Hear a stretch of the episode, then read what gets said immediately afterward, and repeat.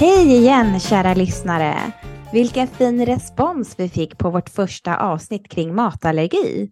Vi har fått in flera frågor och vi kände spontant att det här behöver vi nog göra flera avsnitt än de två vi hade tänkt ursprungligen.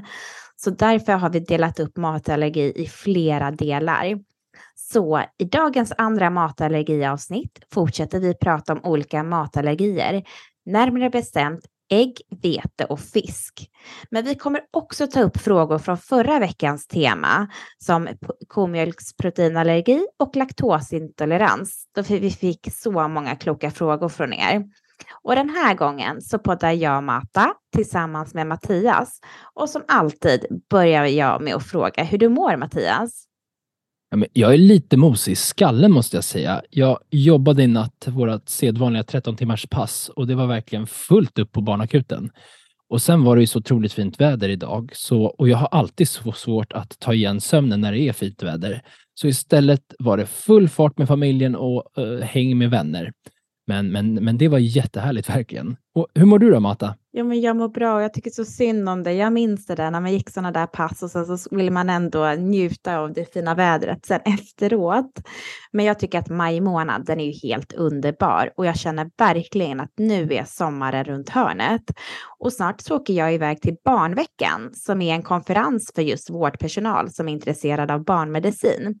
Så jag ser fram emot att lära mig så mycket massa nytt eh, kring alla möjliga ämnen. Men men, nog om oss. Jag tänker att vi ska fortsätta på temat matallergi. Så varmt välkomna till Barnläkarna. Barnläkarna. Jag tänker att vi börjar med att bena ut en adekvat fråga vi har fått från våra lyssnare, men också av föräldrar till barn med allergier. Och det är om det är en bra idé att förebyggande utesluta livsmedel som barn kan reagera allergiskt mot. Vad säger du kring det Mattias? Det här är en jättevanlig fråga och det enkla svaret är nej. Det är många föräldrar som på egen hand börjar laborera och plocka bort olika födoämnen i sitt barns kost och, och de tycker sig se olika samband med mat och magbesvär, eksem med mera hos sina barn. Problemet med det här är att det är så många olika faktorer som påverkar både mag och tarmkanalen men även eksem. Eh, och det kan till exempel vara en mild förkylning eller en period med stress, stress i vardagen hos barnet som gör att eh, barnets eksem eller magbesvär förvärras. Men föräldrarna kanske istället ser att de precis har ökat mängden mjölk i kosten och kopplar därför besvären till det. Och då är det lätt att man plockar bort eh, mat utan någon anledning, alltså när det inte finns någon allergi. Och detta inskränker ju både barnets vardag när de äter i skola samt äter hos vänner. Men sen kan det även skapa en, en stor oro kring mat eh, hos barnet och hos föräldrarna såklart också. Och även att barnet missar viktiga näringsämnen i kosten då de plockar ut eh, de här födoämnena. Och det kan ju påverka barnets tillväxt och utveckling. Så ser man att barnet alltid får symptom när de äter ett visst födoämne så ska man ta upp detta med sin läkare. Ja, men jättebra. Det är precis så vi brukar svara. Och jag vill bara förtydliga att detta är jätteviktigt att komma ihåg. För misstänker man att ens barn har en matallergi så ska man i första hand kontakta vården och komma överens med sin läkare kring hur man ska utreda och behandla. Och jag brukar säga att rätt utredning för rätt barn ger rätt diagnos och rätt mat. Ja, men precis. För utredning kan vara viktig av olika anledningar. Dels för att man ska bli trodd i sin eh, födoämnesallergi, men även för att kunna hantera sin sjukdom och undvika rädsla och för oss som vårdpersonal för att utesluta annan sjukdom som kan förklara symptomen.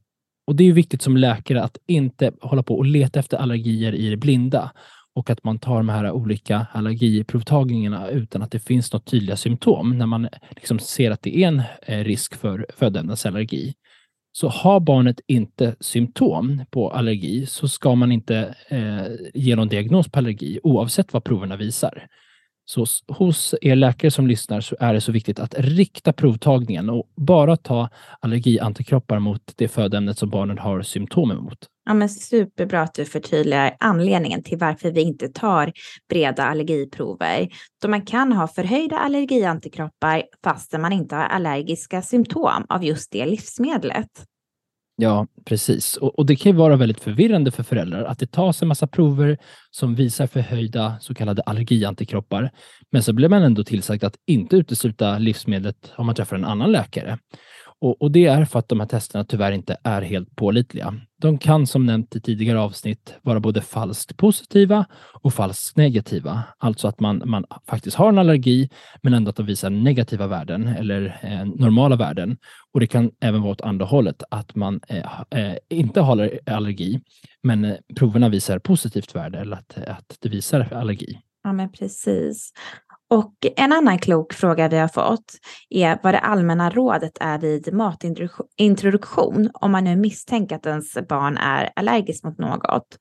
Och det allmänna rådet till föräldrar är att introducera alla livsmedelsgrupper, inklusive fisk, tillagat ägg, mjölk och finfördelade nötter och baljväxter, inklusive jordnötter under det första levnadsåret. Och det här rådet gäller alla barn, alltså även barn med eksem, misstänkt allergi mot ett annat livsmedel eller ärftlighet för allergi.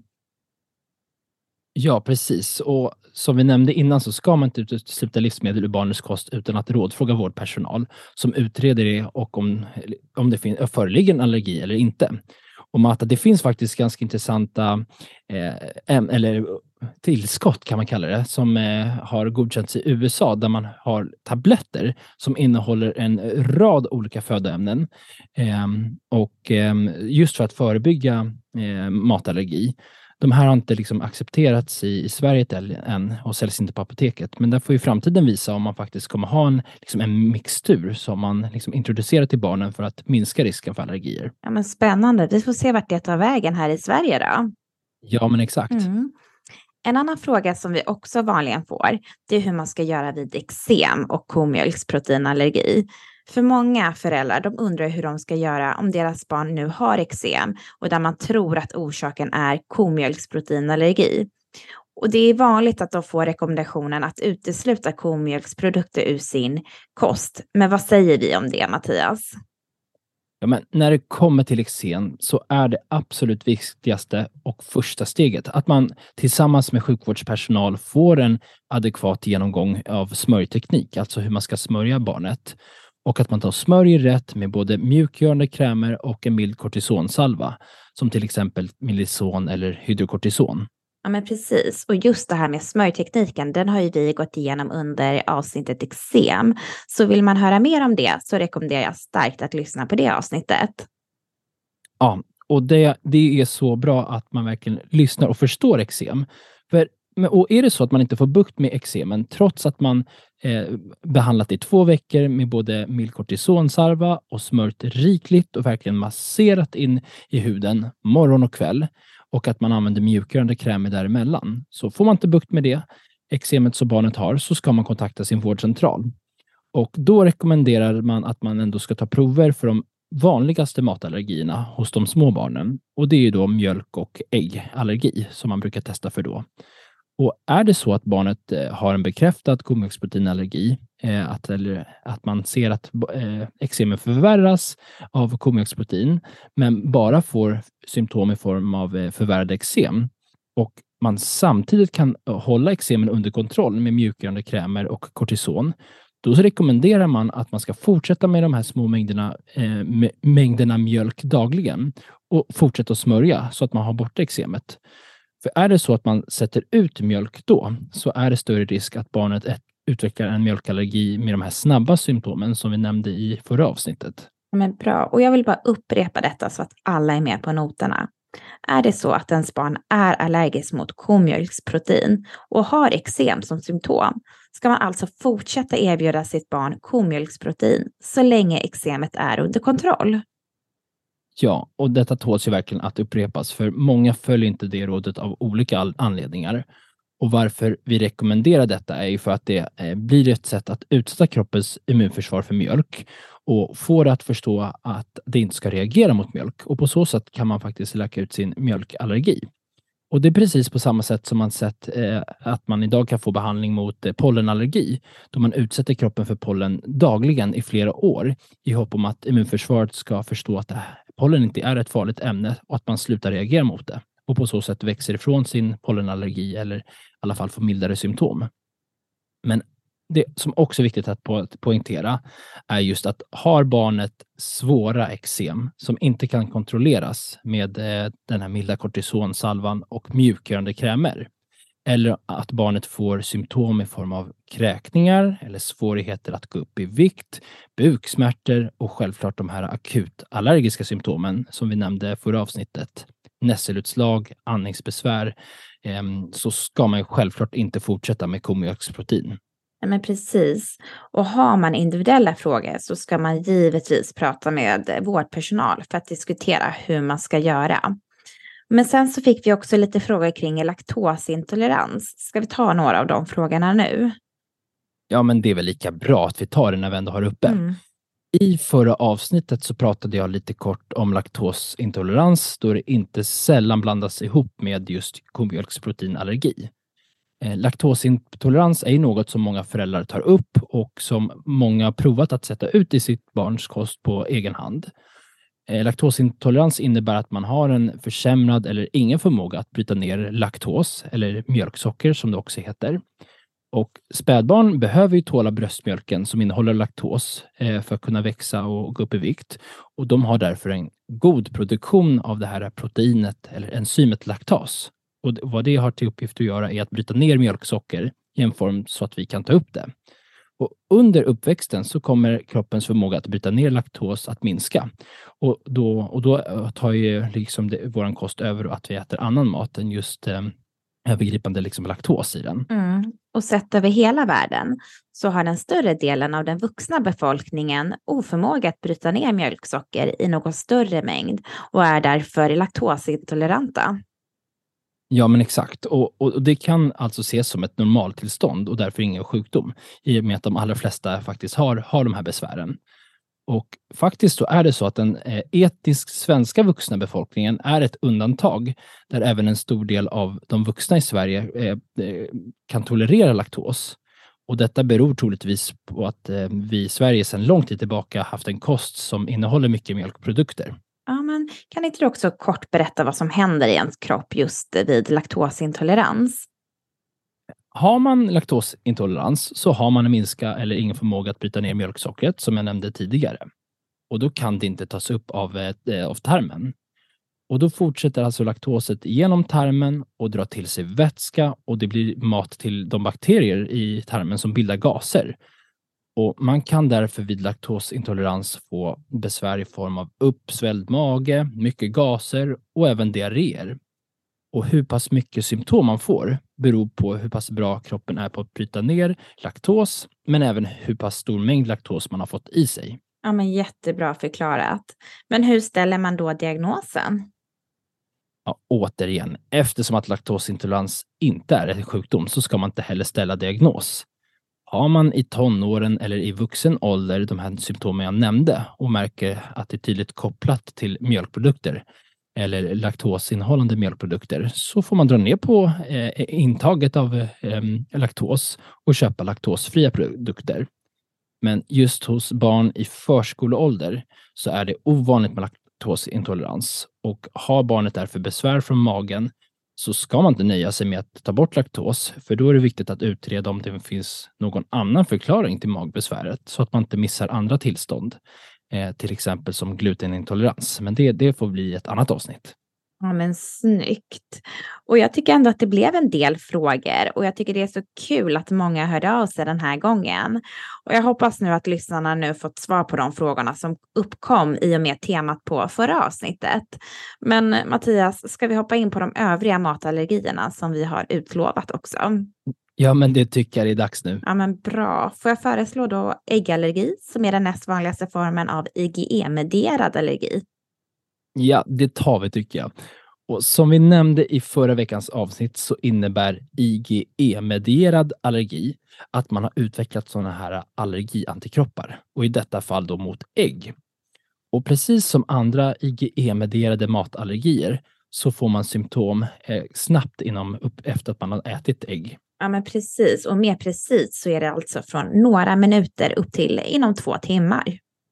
Ja, exakt. Och att symptomen kan vara allt ifrån milda reaktioner med enstaka hudutslag till att man faktiskt kan få allvarliga allergiska reaktioner, det som vi kallar för anafylaxi. Ja, och värt att nämna är att äggallergi, det debuterar ungefär i samma ålder som komjölksproteinallergi, det vill säga vid 2 till 9 månaders åldern.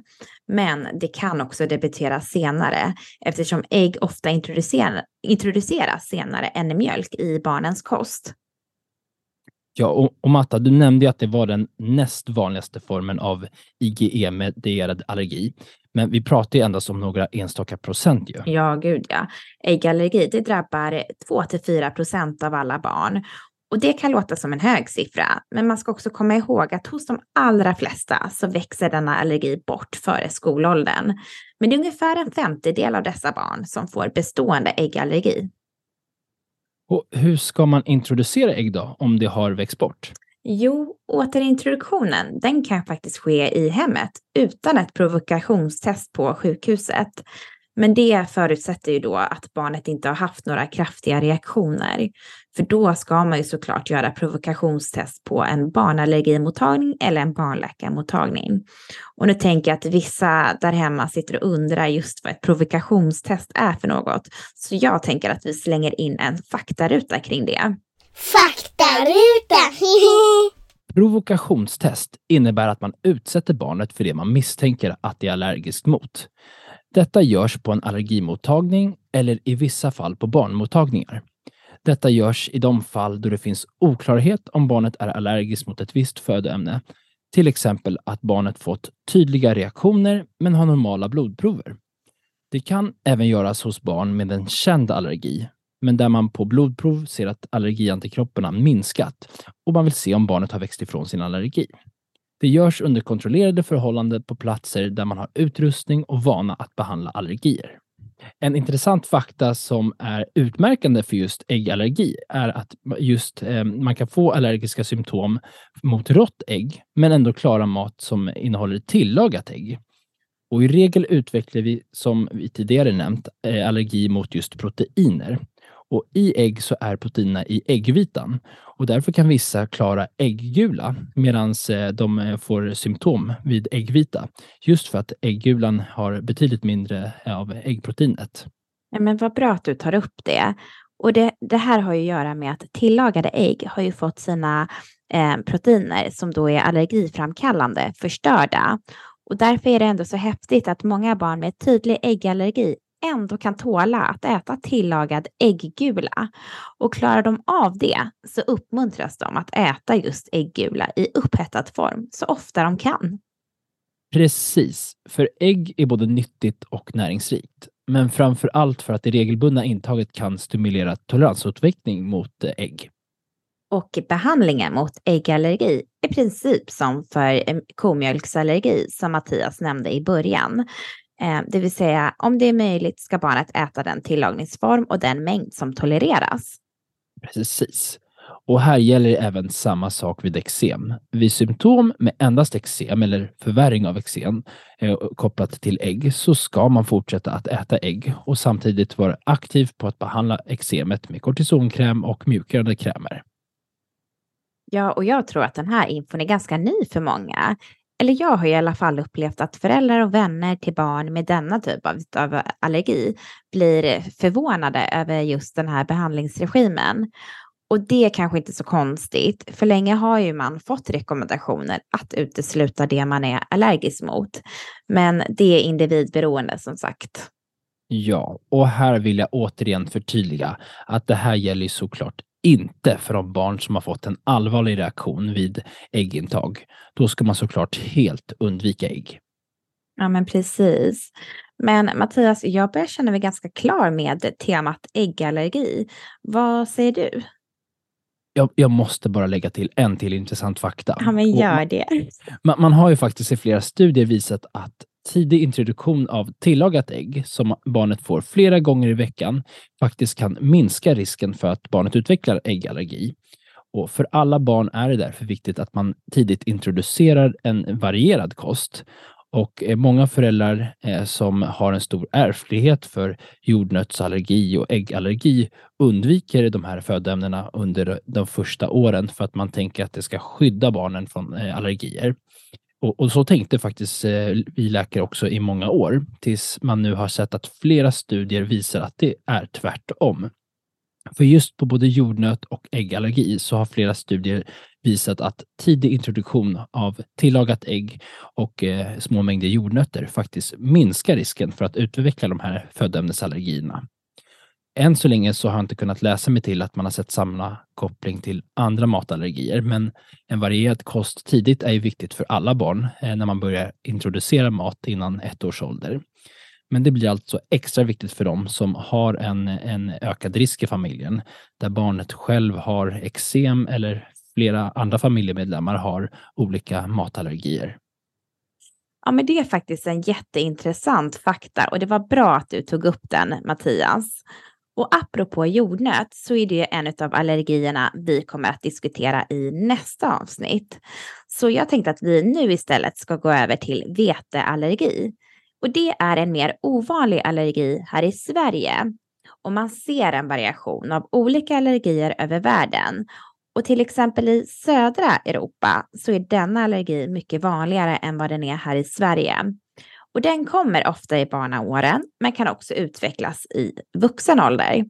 Och precis som många blandar ihop komjölksproteinallergi med laktosintolerans så blandar många ihop veteallergi och glutenintolerans, eller celiaki som det också heter. Men Mattias, kan inte du förtydliga den skillnaden? Jo, Eh, vid veteallergi så har man då bildat allergiantikroppar mot vete och därför kan man få de här snabba allergiska reaktionerna med nässelutslag, andningsbesvär, kräkningar och påverkat allmäntillstånd. Precis som gäller för de andra födoämnesallergierna. Men man kan även få långsamma reaktioner med eh, magont och förvärrande av eksem. Glutenintolerans å andra sidan är en autoimmun sjukdom som triggas av vete. Och istället för de här allergiska symptomen som eh, man kan få vid veteallergi så får man inflammation i tunntarmen. I tunntarmen så har vi små flimmerhår som har till uppgift att öka upptaget av näringsämnen i tarmen. Och när de här skadas, som det görs vid glutenintolerans, så kan man få symptom som magbesvär, diarré, dålig tillväxt, eh, oklar trötthet och även blodbrist. Och I ovanliga fall så kan man även få en spe speciell form av hudutslag och även ont i leder. Wow, det där var en väldigt pedagogisk för eh, förklaring. Bra jobbat. ja, och sen så berättar du också om de här klassiska allergiska symptomen och att man även kan få sena reaktioner med eksemförvärring och magbesvär. Men visst finns det en specialare på just den här allergin? Ja, och det här är verkligen en, en klurig nöt. Det finns faktiskt en så kallad ansträngningsutlöst form av veteallergi och den kan vara väldigt svår att liksom hitta. Eh, för det innebär att patienten normalt sett kan äta vete. Men om patienten eh, efter att de har ätit vete eh, tränar eller gör någon fysisk aktivitet eh, oftast inom två timmar från att man har ätit vete, så kan de få en, en kraftig allergisk reaktion eller en anafylaxi. Och de brukar komma i samband med träningen eller en timme efter att man har tränat. Det här är ett väldigt ovanligt tillstånd, men kan vara en stor utmaning att förstå för både patienterna som normalt sett kan äta vete, men annars får den här kopplingen eh, till fysisk ansträngning. Och eh, då kan det gå en, eh, skulle det ha gått en längre tid mellan att eh, patienten hade ätit vete, låt oss säga tre timmar eller mer, och de tränar, då skulle det inte blivit några som helst reaktioner. Så det här är verkligen en jätteklurig diagnos. Men verkligen, och det är verkligen så intressant. Och jag förstår att det blir en utmaning att förstå den här kopplingen. Men hur ställer man då diagnosen? Och just när det kommer till veteallergi så finns det ju blodprover där vi kan testa allergiantikroppar som kan hjälpa oss vid diagnos av både den här ansträngningsutlösta eh, veteallergin men även många av de svårare veteallergierna. Men eh, däremot så är det många med gräsallergi som korsreagerar med vete och därför har förhöjda allergi och antikroppar utan att vara allergiska mot vete. Mm. Hur är det då med behandling? Eh, de flesta med veteallergi klarar sig på en glutenfri kost. Men det finns patienter som kan fortsatt få allvarliga allergiska reaktioner även vid den glutenfria kosten. Och då kan det bli en väldigt begränsande allergi. Mm, mm, precis, så är det ju. Och jag tänkte att vi ska gå över till den allra sista allergin för idag, nämligen fiskallergi. Vad säger du om det? Jo, och då vill jag faktiskt börja med att avfärda en myt. Ja, men gör det. Ja, många tror ju faktiskt att fiskallergi och skaldjursallergi hänger ihop. Eh, kanske för att de båda bor i havet, vad vet jag, men det gör de faktiskt inte. Och man ser därför inga korsreaktioner mellan de här två. Så har man barn, eller vuxna för den delen, med fiskallergi så kan man som läkare ge rådet att pröva skaldjur. Men är de här allergierna lika vanliga då? Men fiskallergi är ovanligt och skaldjursallergi är ännu mer ovanligt. Eh, Men båda de här allergierna ger snabba reaktioner. Men hur är det, kan man kl- klara av att äta en fisk men inte en annan? Ja, faktiskt så har man sett att fest, fet fisk, som till exempel lax, är mindre allergiframkallande än mager fisk som till exempel torsk. Så klarar man torsk som är mer allergent så klarar man oftast eh, även att äta lax.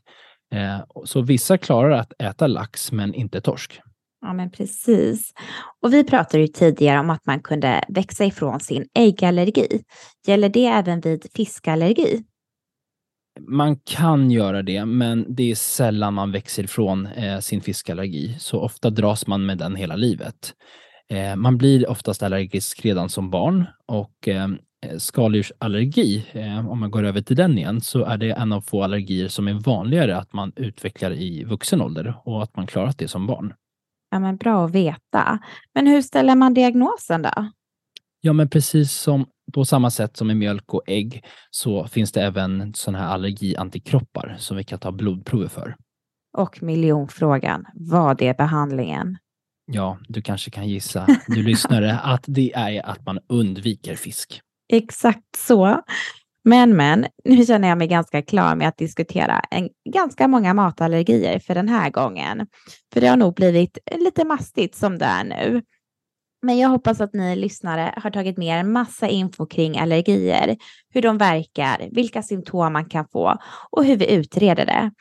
Sen så har vi gått igenom eh, lite behandling och en del myter och missförstånd när det kommer till allergier. Och som vanligt så hänvisar vi även till vår Instagram, eh, Barnläkarna, för mer info. Och ni är mer än välkomna att kontakta oss vid frågor. Så, då hörs vi snart igen. Hej då! Hej då!